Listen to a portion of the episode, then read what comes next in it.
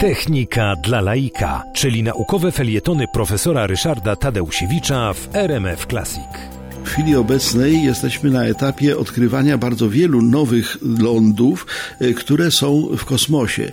Tam, gdzie potrzeba, bardzo wiele nazw nadaje się e, na cześć ludzi bardzo zasłużonych, ale ten zasób jest też ograniczony. Zresztą bardzo często bywa tak, że e, czyjeś rzeczywiste nazwisko nadane nowej planetoidzie czy, czy jakiemuś obiektowi kosmicznemu budzi protesty, bo każdy żyjący człowiek ma swoich zwolenników i przeciwników.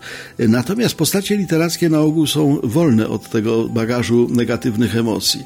I bardzo ciekawą e, rzeczą było to, że bardzo niedawno, bo 11 kwietnia tego roku, Międzynarodowa Unia Astronomiczna nadała nazwy, właśnie biorąc je z e, postaci bohaterów e, różnego rodzaju książek, nowym obiektom wykrytym na peryferiach Układu Słonecznego przez taką sondę, która się nazywała New Horizon. Sekrety nauki od odkrywa profesor Ryszard Tadeusiewicz. New Horizon była pierwszą sondą, pierwszym statkiem kosmicznym z Ziemi, e, który po przebyciu aż 6 miliardów kilometrów ogromnej odległości dotarł do najdalszego obiektu naszego Układu Słonecznego, do Plutona. Pluton był właściwie kompletnie nieznany, dlatego że obserwacje z Ziemi, czy nawet za pomocą e, kosmicznego te teleskopu Hubble'a nie dostarczały żadnych informacji o jego powierzchni, a tym bardziej nie dostarczały informacji informacje o powierzchni jego satelity y, Księżyca, który nazywa się Charon. Charon z Plutonem tworzą taki układ podwójny.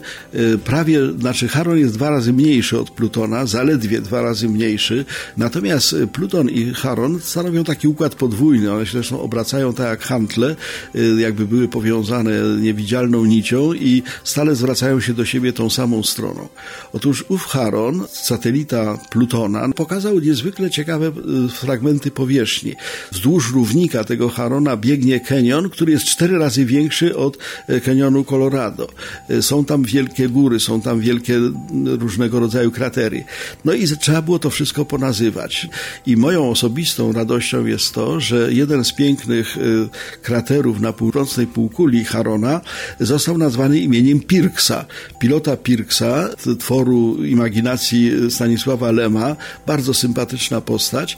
I co było ciekawe, ciekawe, y, ta Międzynarodowa Unia Astronomiczna nadała tą nazwę dokładnie w 50. rocznicę wydania pierwszej książki o przygodach pilota Pirksa. Bohater bardzo mi bliski, bo uwielbiałem czytać opowiadania o jego przygodach.